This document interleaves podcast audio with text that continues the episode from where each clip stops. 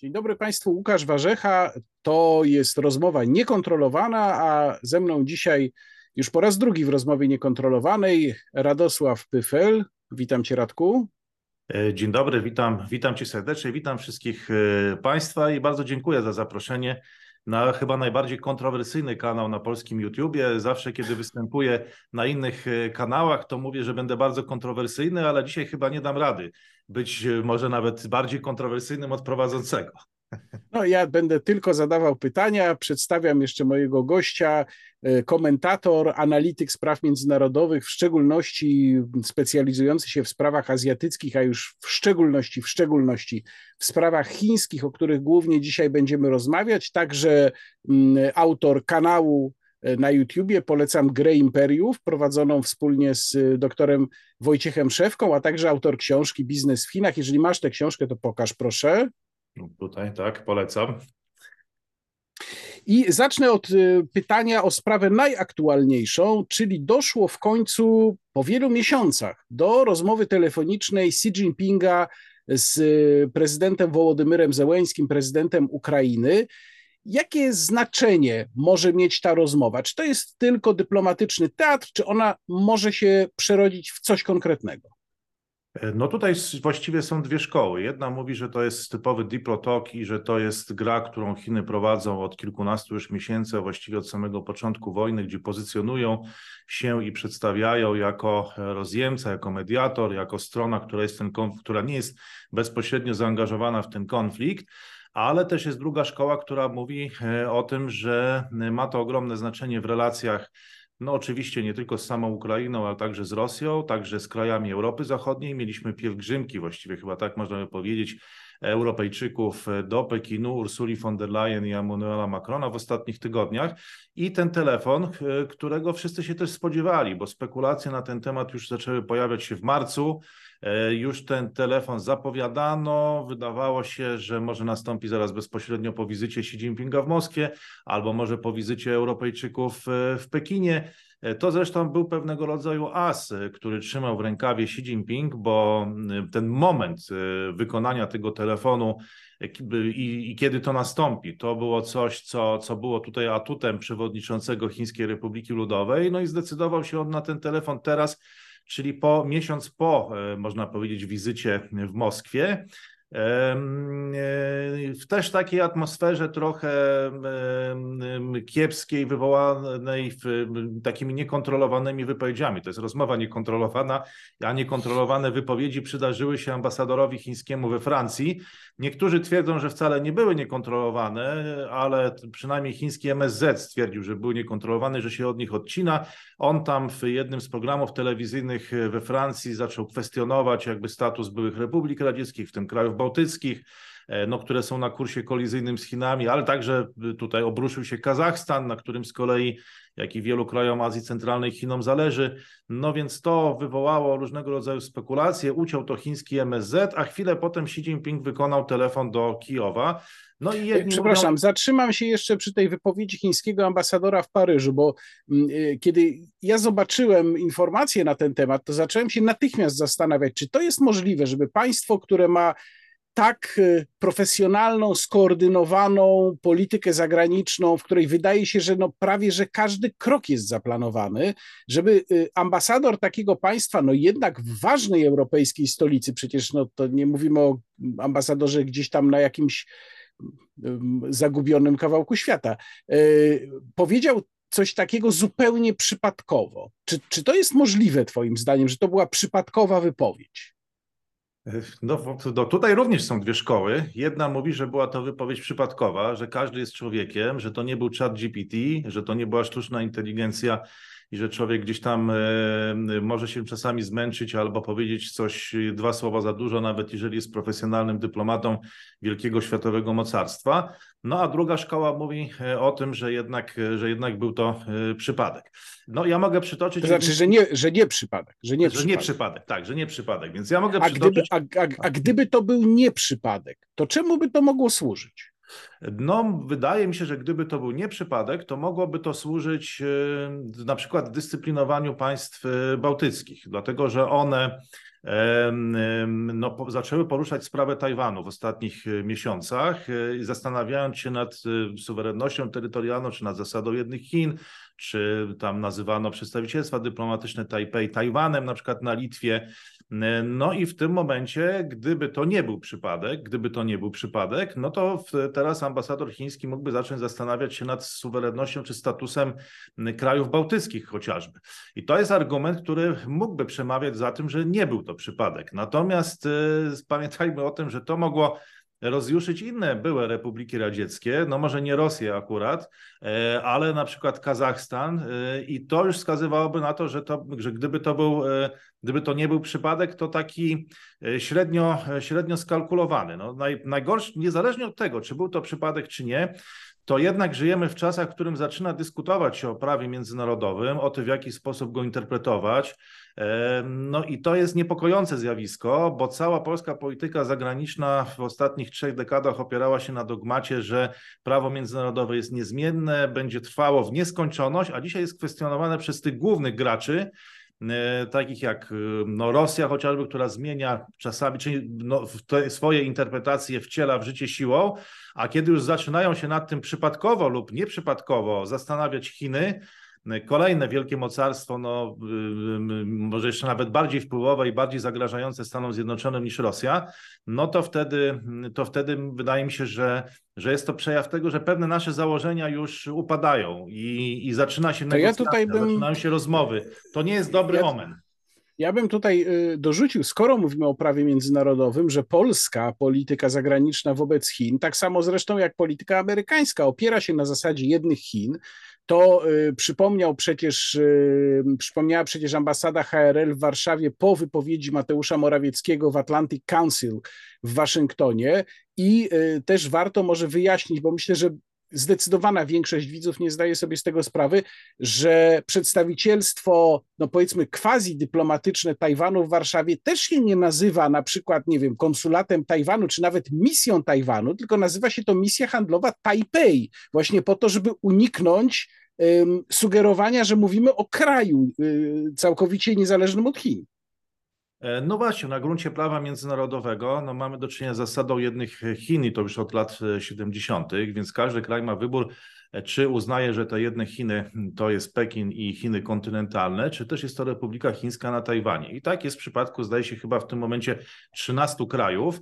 E, tu w ogóle ciekawa sprawa, bo Tajwan prowadząc taką politykę, czy też ten rząd w Tajwanie de facto rozciągający swoją władzę na określonym terytorium, nad określoną populacją, ale nie posiadający uznania międzynarodowego, czy też uznawany międzynarodowo tylko przez kilkanaście krajów, on zbudował bardzo silne związki y, gdzieś tam z tymi krajami demokratycznymi, czy krajami Zachodu, czy gwałtownie wzrosła liczba różnego rodzaju delegacji senackich, sejmowych, europarlamentarnych, y, czy nawet już y, na poziomie ministerialnym, ale de facto liczba tych krajów popierających Tajwan, czy uznających Republikę Chińską na Tajwanie za te jedne Chiny, zmniejszyła się z dwudziestu kilku państw do trzynastu, a teraz waży się to wszystko w Paragwaju, kiedy rozmawiamy i tam jeżeli wygra kandydat, e, no zdaje się opozycyjny, to być może podobnie jak w ostatnich, w ostatnich dniach Honduras e, przerzuci swoje, e, przerzuci swoje poparcie z Tajpej na, na Pekin. Czyli z jednej strony no, silne umiędzynarodowienie sprawy Tajwanu, a z drugiej strony utrata sojuszników. Głównie były to kraje globalnego południa, gdzieś Ameryki Łacińskiej. E, no, nie były to kraje zachodnie. Te uznają zasadę jednych Chin, czyli uznają Pekin, a jednocześnie no, cały czas ta kwestia tajwańska jest podnoszona, co jest no, przewidywalne, że to będzie rozjuszać e, Pekin, który będzie wtedy ostro reagował. No trochę dziwi mnie to, że, że takie, to zdziwienie, które dziwi mnie zdziwienie e, gdzieś tam w polskich mediach czy w debacie publicznej, że znowu Pekin tak ostro reaguje. No wiadomo, że ostro zareaguje na takie słowa chociażby jak premiera Morawieckiego w Waszyngtonie. To jest o tyle ciekawe, że minister Rał wypowiadał się dużo ostrożniej, także prezydent Duda wypowiadał się dużo ostrożniej, no ale to już jest powiedzmy, że że to, już, że to już jest kwestia w ogóle, w jaki sposób my prowadzimy e, politykę zagraniczną, a może bardziej to jest e, zagadnienie, które krąży wokół tego, a nie samej polityki jednych Chin. Wracając do e, telefonu Wołodymyra Zełenskiego do Xi Jinpinga i delegacji, która ma za tym pójść, kontynuuję moje pytanie, to znaczy, czy ta delegacja Y, na czele której ma stanąć bardzo doświadczony dyplomata Li Hui. Też chciałbym, żebyś kilka słów na, na, jego temat powiedział. Czy ta delegacja y, może coś faktycznie zdziałać? Co ona będzie oznaczała, sam jej przyjazd? No bo znów można zadać sobie pytanie, czy to będzie tylko taki teatr, czy też to jest jakiś znaczący potencjalny krok do jakiegoś kompromisu, który może zakończyć działania wojenne na Ukrainie? No właśnie, tutaj myślę, że będę bardzo kontrowersyjny. E, e, e, myślę, że będę bardzo kontrowersyjny, bo od razu powiem, że może, może wiele znaczyć, może wiele znaczyć. Znaczy, może wiele znaczyć, może się to zakończyć tylko jakimś właśnie takim diplotokiem e, i nic może z tego nie wyniknąć, ale równie, równie dobrze może z tego wyniknąć coś bardzo istotnego. Dlaczego tak uważam? No po pierwsze dlatego, że bardzo dużo wyniknęło z tego typu mediacji na Bliskim Wschodzie, gdzie pogodzono Iran i Arabię Saudyjską, przedstawiciele tych krajów spotkali się w Pekinie, tam negocjowali przez cztery tygodnie w absolutnej tajemnicy i okazało się, że się dogadali. E, I też wszyscy mówili, że to jest niemożliwe, że Iran i Arabia Saudyjska tych stosunków nie znormalizują, a jednak znormalizowali i teraz dogadują się już w takich kwestiach technicznych, jak otworzyć e, dotyczących otwarcia swoich ambasad w Teheranie i w Riyadzie. Niemożliwe stało się możliwe i całkowicie zrekonfigurowało to układ sił na Bliskim Wschodzie i architekturę bezpieczeństwa w tamtym regionie. Więc, e, więc no, gdybyś powiedział, że a to pewnie takie niepoważne e, rozmowy, znowu się tak jak powiedział Pet Paweł, między innymi prezydent Czech, on powiedział, że nic z tego nie wyniknie, że to po prostu tam sobie pogadają, a tak naprawdę Chinom nie zależy na ustanowieniu pokoju. Być może ma rację, być może najbliższe tygodnie to potwierdzą, e, ale może nie ma racji. Przynajmniej bliski, na Bliskim Wschodzie okazało się, że, że mają moc i mogą to zrobić. E, mogą to zrobić, więc skoro zrobili to na Bliskim Wschodzie, no to pytanie, dlaczego nie miałoby się to udać w tej części świata? No inna sprawa, że tu będzie dużo, e, dużo trudniej, że tu będzie dużo trudniej, ale teraz dlaczego to może być jeszcze istotne i dlaczego może się udać? No rzeczywiście wysyłają specjalnego przedstawiciela, jego nazwa to przedstawiciel, specjalny przedstawiciel rządu chińskiego do spraw euroazjatyckich, który zostanie wysłany, uwaga, na Ukrainę i do innych krajów. No, ciekawe, jakie to są inne kraje. No, zakładam, że będzie rozmawiał z y, Ukraińcami, będzie rozmawiał z Rosją. Może te inne kraje to również Białoruś, ale ja też się zastanawiam, czy to nie są te inne kraje, to również nie jest Polska, Słowacja, Węgry, Rumunia, Mołdawia, czy nie są to inne kraje e, regionu. E, Przepraszam, bo tutaj, tutaj nie zaskoczyłeś. Czy myślisz, że rzeczywiście przy tak, no faktycznie trochę zróżnicowanej, ale jednak jednocześnie w miarę stanowczej postawie Polski i takich sygnałach jak te, które wysyłał y, pan premier, czy rzeczywiście uważasz, że Li Hui mógłby tutaj do Warszawy przyjechać, oczywiście pewnie bez rozgłosu, pewnie po cichu, no ale ukryć by się tego całkowicie nie dało i mógłby tutaj prowadzić rozmowy z perspektywą, że coś może z nich wyniknąć? Znaczy ja wyobrażam sobie takie, szczerze mówiąc, takie rozmowy z ministrem spraw zagranicznych, y, panem Zbigniewem Rałem, czy może z ośrodkiem prezydenckim, dlatego że te ośrodki akurat y, naszej polityki zagranicznej no, wysyłały takie sygnały bardziej umiarkowane, tym, że one są zainteresowane mm, mm, tym, aby Chiny w jakiś sposób wpływały na Federację Rosyjską.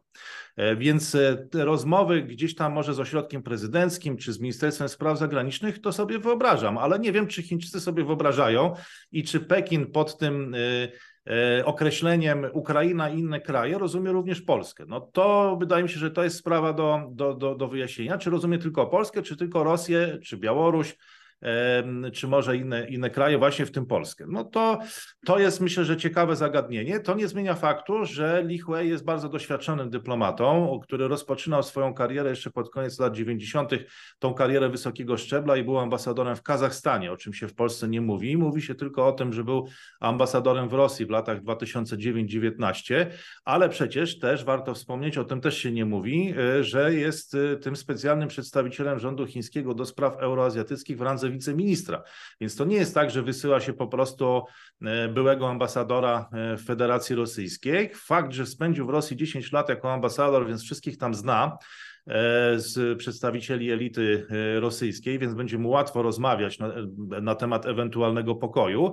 I teraz tworzy się sytuacja z polskiego punktu widzenia bulwersująca i to jest chyba teraz ten największa kontrowersja chyba, jaką, jaką tutaj możemy wypowiedzieć w naszej rozmowie, czyli taka, że jeżeli on będzie działał na poważnie, bo teraz tak, Petr Paweł mówi, że to wszystko jest niepoważne, że nie będzie działał poważnie, ale jeżeli będzie próbował e, pogodzić Ukraińców i Rosjan, e, ten Lichway i jeszcze te inne, inne kraje, e, no to teraz Federacja Rosyjska stanie w takiej sytuacji, że może, że być może będzie miała wybór, że będzie mogła wybrać rozjemcę, jeżeli nie będzie chciała już dalej walczyć. A takie mam wrażenie, że dzisiaj już e, jak tak przyglądam się tym oświadczeniom wielu mocarstw, czy Stanom Zjednoczonym, czy Unii Europejskiej, czy Zjednoczonego Królestwa, czy krajów Europy Zachodniej, to mam wrażenie, że dzisiaj y, ci, którzy chcą najbardziej walczyć, to jedynie chcą walczyć Ukraińcy, tak na dobrą sprawę, oni chcą odzyskać Krym, te dawne terytoria i oni chcą walczyć, a cała reszta już tak mam wrażenie, że troszkę wygasza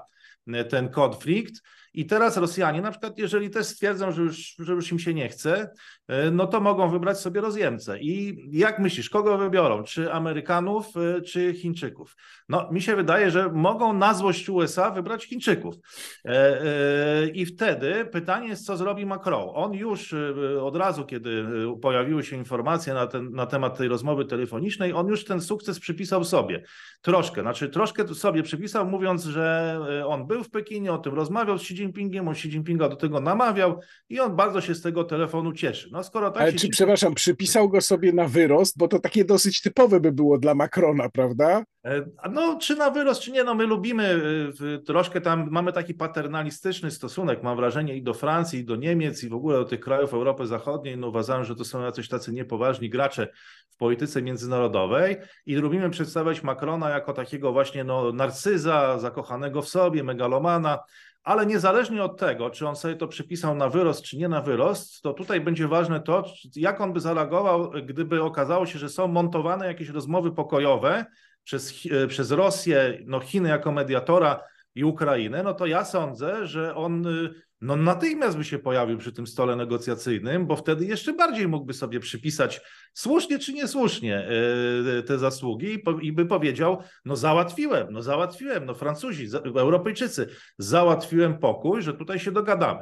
No wtedy co by się stało? No Niemcy trochę na zasadzie Lecha Wałęsy nie chcę, ale muszę być może też by się do tego stołu e, dosiedli. No i to jest fatalny scenariusz z punktu widzenia Polski, bo nie ma tam Stanów Zjednoczonych, a jak nie ma Stanów Zjednoczonych, no nie ma też być może i nas, chociaż nie wiem, może e, może, może w jakiś tam sposób e, też będziemy w tym brali udział, ale to byłby trochę powrót z porozumień mińskich, gdzie też no, Polska dużo Dużo działa minister Sikorski, dużo wypowiadał się na temat Ukrainy, o, przejmujący opis w jego książce, no ale jednak w czasie tych negocjacji, w czasie tych porozumień mińskich no, nie, nie, nie, nie zasiedliśmy przy tym stole, zostaliśmy wykluczeni z tych negocjacji i teraz pytanie, czy się przy tych rozmowach pokojowych byśmy znaleźli, jeżeli się szykuje taki scenariusz. Ja nie twierdzę, że on, że to się uda, bo to wymagałoby chyba jeszcze większej maestrii dyplomatycznej niż pogodzenie Iranu z Arabią Saudyjską, a Bliski Wschód to już jest e, wielkie wyzwanie, ale rysuje się taki scenariusz, który wydaje mi się, że warto o nim mówić e, publicznie w Polsce i cieszę się, że dzisiaj o tym możemy porozmawiać, że mamy Rosję, która wybiera e, mediatora, wybiera Chiny, dosiada się do tego Francja i Niemcy, no ale tu wtedy jest problem moim zdaniem z Ukrainą, tak? Bo, bo no, Ukraino, Ukraina chce i zresztą Chiny nie uznają aneksji Krymu i Ukraińcy, Ukraina chce, no Ukraińcy chcą odzyskać te terytoria. Nie wiem, czy Rosjanie zgodziliby się je oddać. Mówią o tym, że to są nierealistyczne żądania i przedstawiają Ukraińców jako no, takich niepoważnych, niedojrzałych, no i teraz, jeżeli, jeżeli byłby to realizowany scenariusz wypychania Stanów Zjednoczonych nie tylko z Bliskiego Wschodu, ale i tutaj z regionu, to co Ukraina zrobi po tym rozejmie? E, no bo, bo bez wsparcia Stanów Zjednoczonych no, no jak prowadzić być może kolejną wojnę, no bo, bo, bo, bo, bo być może to będzie wojna tak jak i, i, i Indie-Pakistan, która trwa 50 y, lat i było już kilka konfliktów między tymi dwoma krajami, więc sytuacja jest trochę skomplikowana, no ale ale taki wariant się szykuje, więc ja troszkę dziwię się, przyglądając się tym e, dyskusjom publicznym w Polsce, że my Chiny traktujemy no raz jako jakiś niesamowicie skoordynowany e, że to jest sojusz jakiś rosyjsko-chiński niesamowicie spójny, skoordynowany, no w ogóle zupełnie taki sam, jak deklarują to przywódcy, że to jest jakieś już strategiczne partnerstwo pogłębione kilkanaście razy, wieczne i nierozerwalne, po czym jest wizyta w Moskwie i wtedy już mówimy, a nie, to Xi Jinping upokarza e, Putina, potem mówimy, nigdy nie zadzwoni do Kijowa, potem jak dzwoni do Kijowa, e, że to jest w ogóle niemożliwe, potem jak dzwoni do to, że albo nic się nie wydarzy, albo że znowu upokarza Putina, więc no, wydaje mi się, że musimy się w tym wszystkim odnaleźć troszkę, a żeby się odnaleźć, to musimy też i takie scenariusze brać pod uwagę. No niestety mi przypada ta niewdzięczna rola, także w Twoim e, programie i w rozmowie z Tobą, no przywoływania tych scenariuszy, które być może się nie zrealizują, ale które teraz pojawiają się na horyzoncie i które są no nie najlepsze, nie najlepsze. Ja bym do tego jeszcze dorzucił przy okazji rekomendację mojego ostatniego wideoblogu, gdzie y, krótko omówiłem bardzo interesujący artykuł e, Charlesa Kapczana i Richarda Hassa w Foreign Affairs, na portalu Foreign Affairs, gdzie oni z wyjątkową brutalnością, jak na ten magazyn język dyplomacji, e, no przypominam analitycy związani z Council on Foreign Relations, czyli no jednym z absolutnie najważniejszych amerykańskich think tanków, właściwie wprost piszą, że jeżeli Ukraina będzie chciała, nie będzie chciała pogodzić się z pewnymi stratami, które pozwolą zakończyć wojnę, to trzeba ją będzie w zasadzie do tego przymusić. To, to niemalże jest wprost napisane. E, a I, i jeśli, wybiec... pozwolisz, jeśli, jeśli pozwolisz, to, to teraz z punktu widzenia Ukrainy, no, która jednak prowadzi politykę pragmatyczną i niepospolityczną, bo to jednak trzeba przyznać Ukraińcom i zresztą już tam nie ma czasu na jakieś sprawianie wrażenia, no po prostu giną ludzie, tracą zdrowie, jest wojna i wojna jest czymś autentycznym, więc tu nie ma czasu na zabawę w pospolitykę, to Ukraińcy teraz mogą te rozmowy wykorzystać jako lewar na Amerykanów i pokazać im, słuchajcie, no jeżeli nie wiem, no co, co, nie wiem, co mogą Amerykanie zrobić, czy zwiększyć uzbrojenie, y, czy tą pomoc wojskową, czy wysłać jeszcze więcej tego sprzętu, ale Ukraińcy mogą pokazać, słuchajcie, no zróbcie coś, bo inaczej to no nie wiem, no zaraz może powstać taki scenariusz, że, że będzie Francja, Niemcy, Rosja, Chiny, na was nie będzie, więc musicie jakoś reagować. Wydaje mi się, że strona ukraińska może też tym grać, dlatego jest taka chętna do tych rozmów z Chinami i prowadziła je już od długiego czasu i to jest coś, czego teraz Ukraińcy mogą użyć jako pewnego... Po to, po to żeby użyć ich jako sposobu nacisku na Amerykanów, tak. Tak jest, zwłaszcza, mhm. że Amerykanie, o czym,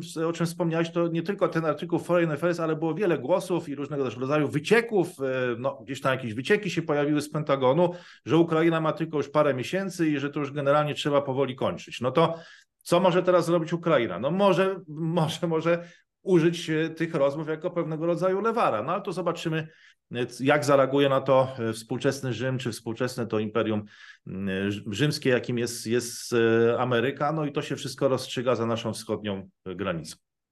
A wybiegając trochę do przodu, poza moment zakończenia działań wojennych i przechodząc do tego etapu, kiedy Ukrainę trzeba będzie odbudowywać, czy tutaj Chiny też mogą mieć jakąś propozycję w tym układzie już postwojennym, gdzie taka jest przynajmniej moja opinia, zasadniczą rolę z europejskiej strony będą odgrywały Niemcy, wcale nie Polska. Natomiast no, pozostaje pytanie, kto będzie głównym partnerem y, spoza Europy. Stany Zjednoczone Pewnie tak. A czy Chiny mogą też tam wsadzić y, stopę w drzwi? No to jest bardzo ciekawe pytanie. No, wydaje mi się, że jeżeli będą, e, będą to Stany Zjednoczone, no to nie będzie Chin raczej. Czy patrząc na to, co się dzieje dzisiaj we wszystkich branżach, no to mamy do czynienia z, no już z otwartą konkurencją amerykańsko-chińską, czy to jest kosmos, czy nowe technologie, czy półprzewodniki, więc tak szczerze mówiąc, jakoś nie wyobrażam sobie podziału Ukrainy na różne strefy wpływów, że będzie strefa chińska i amerykańska, tylko uważam, że no jeżeli będą Amerykanie, no to Amerykanie będą jakby dokonywać rekonstrukcji Ukrainy, czy przygotowania może do kolejnej fazy wojny. Nie wiem jak ty i nie wiem jak nasi widzowie, ale być może ten rozejm, który gdzieś tam już pojawia się na, na horyzoncie, może jest tylko krótkotrwały, może to jest po prostu tylko będzie może za, za tutaj mieliśmy 8 lat przerwy między Krymem a, a tą, a tą drugą wojną ukraińsko-rosyjską może będzie kolejna. No nie wiadomo, nie wiadomo, czy to w ogóle pójdzie w stronę, w stronę jakiejś takiej odbudowy, jaki tu będzie scenariusz i jaki będzie pokój. To się wszystko teraz kształtuje, to jest bardzo dynamiczne i cieszę się, że o tym rozmawiamy. I tutaj Ukraińcy znowu mogą użyć tego lewara, że mogą powiedzieć, no zobaczcie, tyle zainwestowaliście, ale teraz y, nie chcecie nas y, wspomóc, no to zaczyna się y, jakiś scenariusz pojawiać że no jeżeli to byłaby sensacja absolutna, że, że dochodzi do jakiegoś porozumienia pokojowego bez Stanów Zjednoczonych, tak jak doszło na Bliskim Wschodzie między Arabią a Iranem. No też wszyscy twierdzili, że to jest niemożliwe. E, I wtedy, no to wtedy, no właśnie, no aż trudno mi sobie to wyobrazić, jakby to mogło wyglądać i kto mógłby dać gwarancję bezpieczeństwa Ukrainie w takim razie, no bo no bo to była podobna sytuacja jak z Arabią Saudyjską, że Arabia Saudyjska miała gwarancję bezpieczeństwa ze Stanów Zjednoczonych. W momencie, w którym dogadała się z Iranem, to jeszcze przekazała 30 kilka miliardów dolarów na zakup Beningów, żeby być w porządku wobec Amerykanów, ale powiedzieli, słuchajcie, to my już nie potrzebujemy tych gwarancji czy tej ochrony, bo się sami dogadaliśmy z Teheranem. No ale w przypadku Ukrainy aż trudno mi sobie wyobrazić, więc yy, taki, taki, taki scenariusz. No bo wtedy oczywiście Niemcy, Francuzi pewnie też, no i Chińczycy, no pewnie odbudowywaliby ten kraj, no ale, ale bez Amerykanów, no, no jakoś nawet moja wyobraźnia tak daleko nie sięga, chociaż wszyscy i tak twierdzą, że, że, że w pewnych kwestiach za daleko. No ale, ale, ale musimy brać różne scenariusze pod uwagę i, i w tej rozmowie... Życie bywa, bywa nieprzewidywalne, zwłaszcza stosunki międzynarodowe. Mm, kilka dni temu, w stosunku do dnia, kiedy nagrywamy nasz program, na Morzu Południowochińskim w archipelagu wysp Spratly miał miejsce e, incydent, w którym okręty e, filipińskiej Straży Wybrzeża no prawie że starły się z okrętem chińskiej Straży Wybrzeża.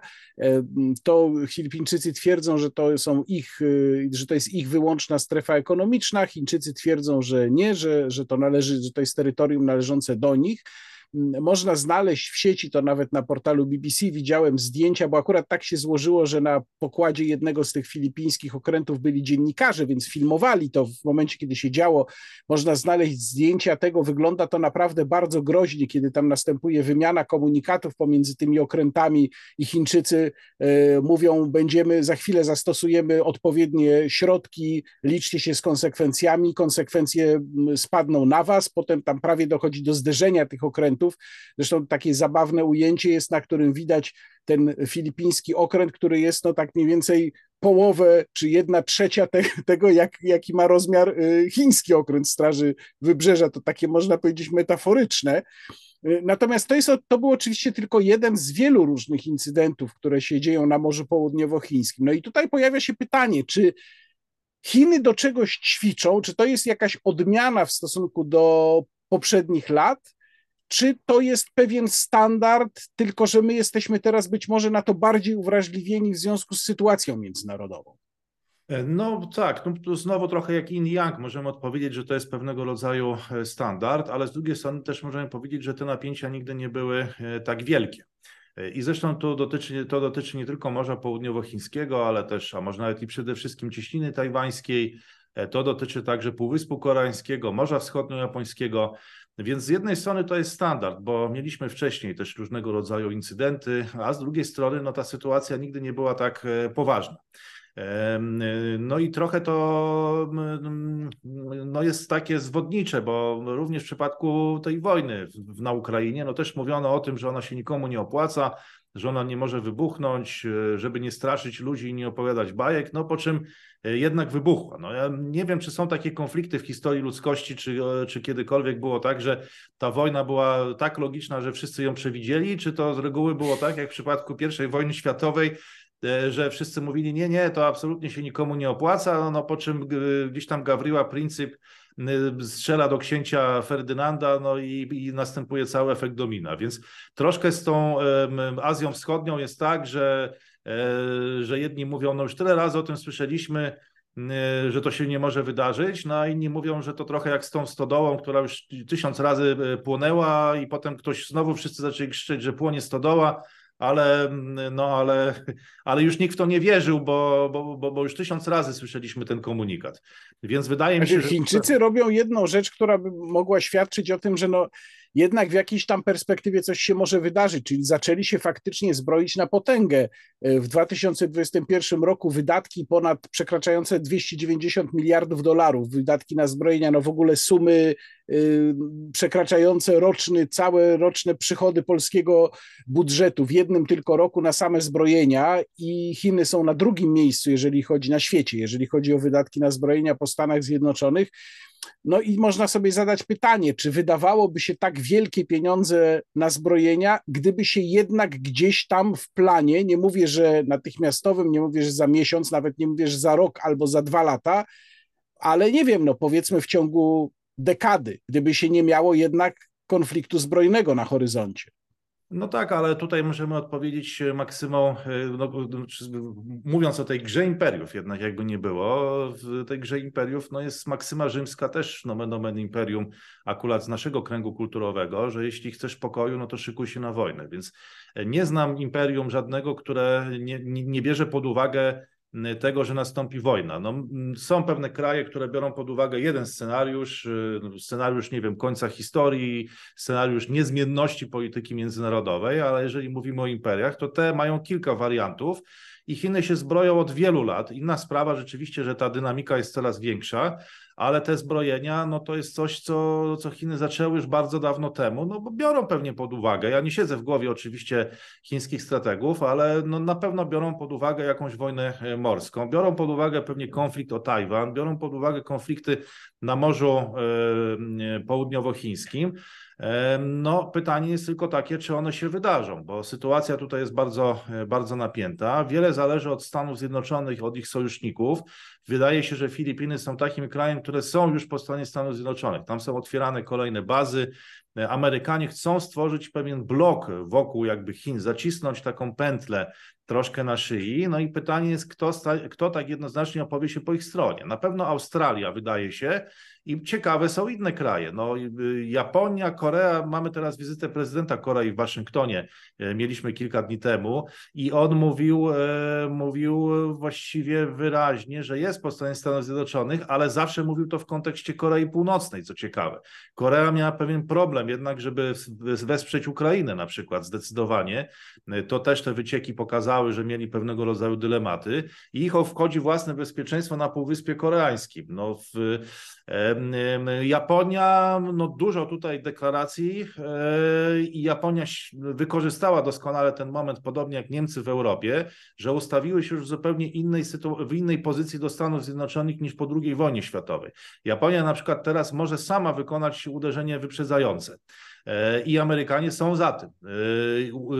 E, jakby poparli tą decyzję Japończyków, ale to też nie oznacza, że Japończycy takie uderzenie wyprowadzą i też nie oznacza, że oni tak się całkowicie zaangażują w ewentualny konflikt w tamtym regionie. No więc generalnie, to make the long story short, robiąc tą długą historię, skracając ją do kilku słów, Amerykanie chcą stworzyć pewien blok, a Chińczycy próbują ten blok rozbijać. E, I E, no, ciekawe są kraje typu Wietnam na przykład, który moim zdaniem powinien dążyć w stronę, w stronę Stanów Zjednoczonych z tych powodów bezpieczeństwa, z powodów też historycznych, ale z drugiej strony wiele tych krajów no, ma pewne dylematy, tak jak już widzimy to po krajach europejskich, dobrych relacji handlowych z Chinami. No to jest te, no właśnie, te narzędzie, to, to, których Chińczycy to, używają w Europie.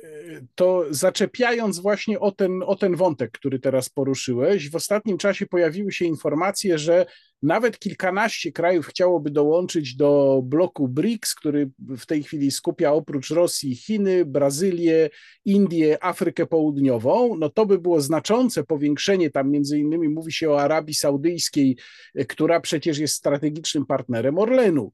E, co ciekawe, czym Chiny przyciągają kraje do, do, nie tylko do BRICS, ale w ogóle do siebie? Co tutaj jest takim argumentem, który powoduje, że tak chętnie niektórzy się chcą angażować w ten blok? A to chyba możemy prosto e, odpowiedzieć słowami dawnego selekcjonera piłkarskiej reprezentacji Polski Leo Benhakera, many, czyli pieniądze. To taka krótka odpowiedź. Ja nie wiem, czy chcesz teraz trochę dłuższej wersji. Bardzo proszę. No, wydaje mi się, że tutaj użyliśmy pewnej metafory finansowej, czy też pieniężnej, ale możemy użyć metafory medycznej. Wydaje mi się, że to, co próbują teraz Chiny e, robić, co może nam się podobać lub nie, myślę, że w większości nam się w Polsce to nie podoba, no to jest pewnego rodzaju operacja chirurgiczna, czyli zmiana globalnego e, ładu. I cała ta wojna na Ukrainie, agresja Federacji Rosyjskiej na ten kraj, to jest tylko część tego wielkiego planu, to jest tylko wycinek, to jest tylko pewien element. Na czym to miałoby polegać? No przede wszystkim na powolnym odchodzeniu od y, dolara. To, co Rosja y, robi na polach bitewnych Ukrainy, troszkę chyba mam wrażenie i rozumiem to rozczarowanie elit y, rosyjskich i troszkę dało się to zobaczyć po tej wizycie Xi Jinpinga w Moskwie, że Chiny się nie angażują za bardzo do pomocy Rosji. I Rosja wykonuje tą operację trochę na własny koszt i na własne ryzyko, ale mm, tak, przede wszystkim wywiera presję na krajach Europy Zachodniej, które widzimy, ostatnio widzieliśmy w pierwszej połowie kwietnia wyniki, przewidywany wzrost gospodarczy w najbliższych, y, za ten rok. IMF ogłosił te wyniki, y, Międzynarodowy Fundusz Walutowy. No i wygląda na to, że to jest jakieś tam około 1% w Europie, Stany Zjednoczone coś około 1,5%, Chiny ponad 5%, tak? Indie również bardzo szybko się rozwijają i korzystają na tej sytuacji gospodarczo.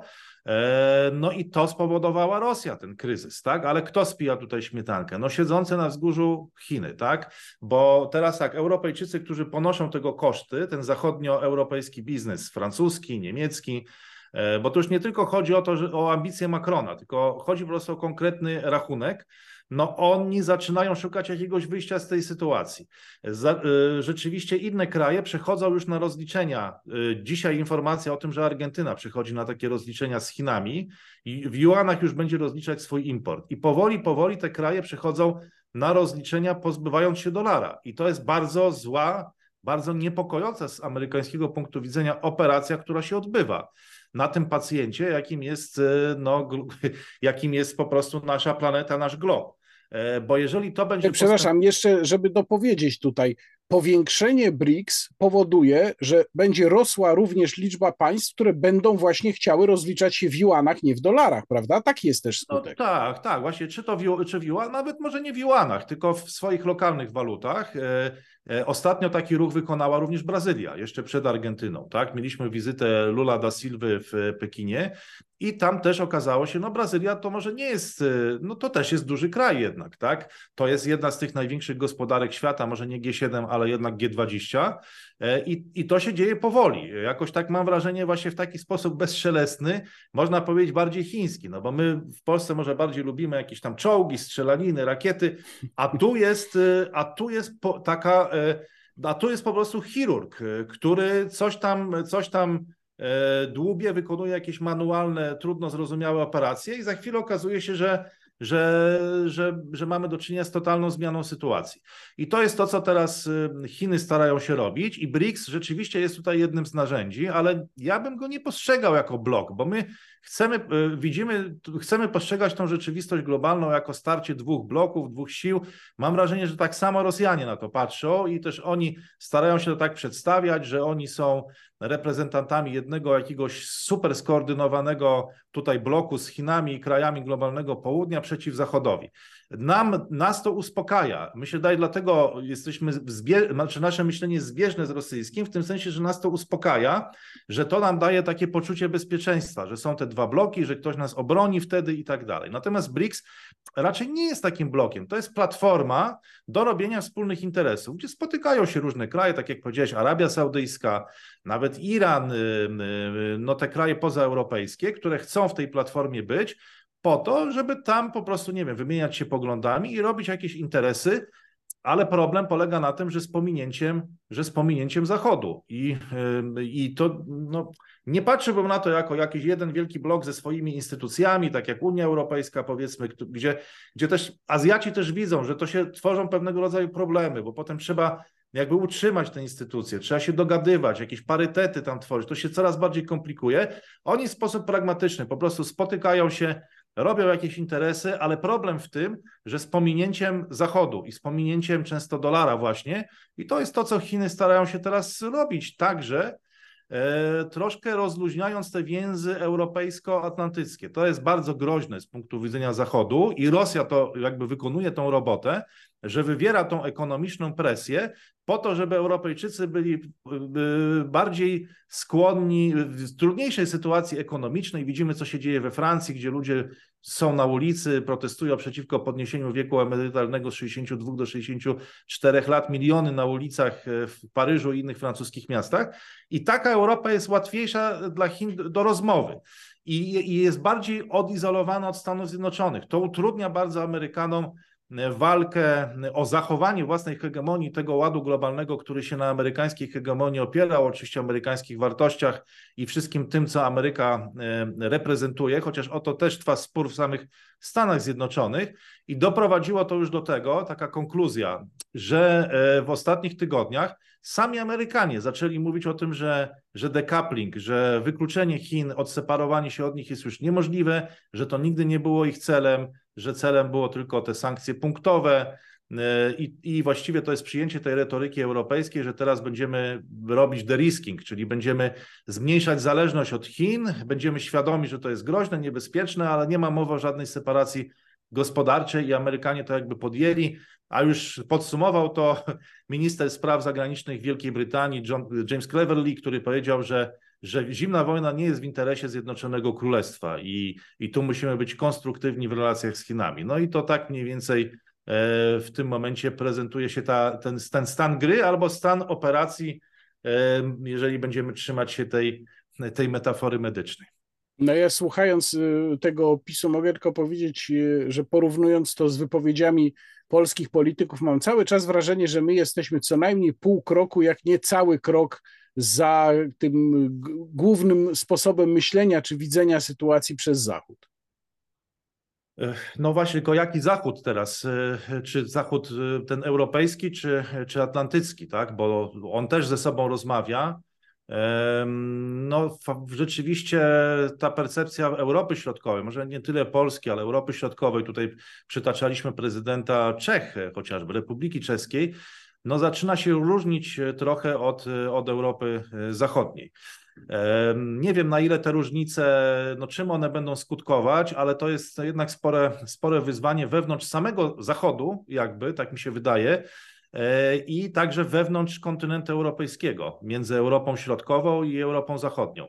Wydaje mi się, że powinniśmy no jakby szczerze o tym mówić i nie popadać w histerię, że to jest, bo mam wrażenie czasami, że po prostu no jakieś rzucamy jakieś zakręcia i liczymy, że jak będziemy o czymś mówić, to tak się stanie. Czyli jak nie będziemy o tym mówić, no to sytuacja się zmieni, a jak o tym mówimy, to sytuacja zmienia się na niekorzyść. Czyli jak Radek Pyfel z Łukaszem Warzechą o czymś dyskutują, e, no to ma to strasznie jakiś negatywny wpływ. No uważam, że powinniśmy się zacząć orientować, a niektórzy nasi politycy, no wydaje mi się, że to jest duże zaskoczenie, bo, bo oni oficjalnie no, w, w, jakby wpisują się w tą taką retorykę, która gdzieś tam jest obowiązująca w tym dyskursie, ale jednak jak przyjrzymy się, co oni robią też niektórzy, e, to widać, że mają zrozumienie tego, co się dzieje. I też troszkę inaczej to czasami w sposób zaskakujący może to, może to wyglądać. Więc, no ale jak to w Polsce jest y, dużo debat, dużo dyskusji. Mam wrażenie, że jesteśmy mocarstwem debat. Y, ich odbywa się tak dużo. Dyskutujemy tu o losach świata już na terenie całej Polski. Odbywają się różnego rodzaju kongresy. Taki mamy troszkę sejmik szlachecki XXI wieku i różne koncepcje, y, właściwie już nawet nie polityczne, ale globalne, dotyczące polityki globalnej. No co z tego wyniknie? Zobaczymy. No to będzie, to jest ważny czas i ważny, ważny rok, myślę, że w historii Polski, historii świata. Bardzo Ci dziękuję za rozmowę. Moim gościem w rozmowie niekontrolowanej był Radosław Pyfel, analityk, komentator, specjalista od spraw chińskich, y, autor kanału YouTube'owego programu. O nazwie Radosław Gram... Pyfel, zaskakującej zresztą bardzo. Tak, y, programu Gra Mocarstw realizowanego wspólnie na YouTubie właśnie z doktorem Wojciechem Szewką, a także autor książki y, Biznes w Chinach. Jeżeli możesz, to jeszcze raz proszę, żebyś pokazał książkę. Tak, tak. Polecam bardzo w ogóle świat pozaeuropejski, bo tak jak wynikało to z naszej rozmowy, no będzie bardzo ważny, tak? Więc e, no, nie da się żyć w XXI wieku, nie, nie biorąc pod uwagę tego, co dzieje się poza Europą i właśnie bardzo się cieszę, że dzisiaj w tym najbardziej kontrowersyjnym, jednym z najbardziej kontrowersyjnych programów na polskim YouTubie mogliśmy o tym porozmawiać. Więc raz jeszcze dziękuję za spotkanie i za zaproszenie. Bardzo dziękuję. To była rozmowa niekontrolowana. Łukasz Warzecha, kłaniam się Państwu. Do zobaczenia.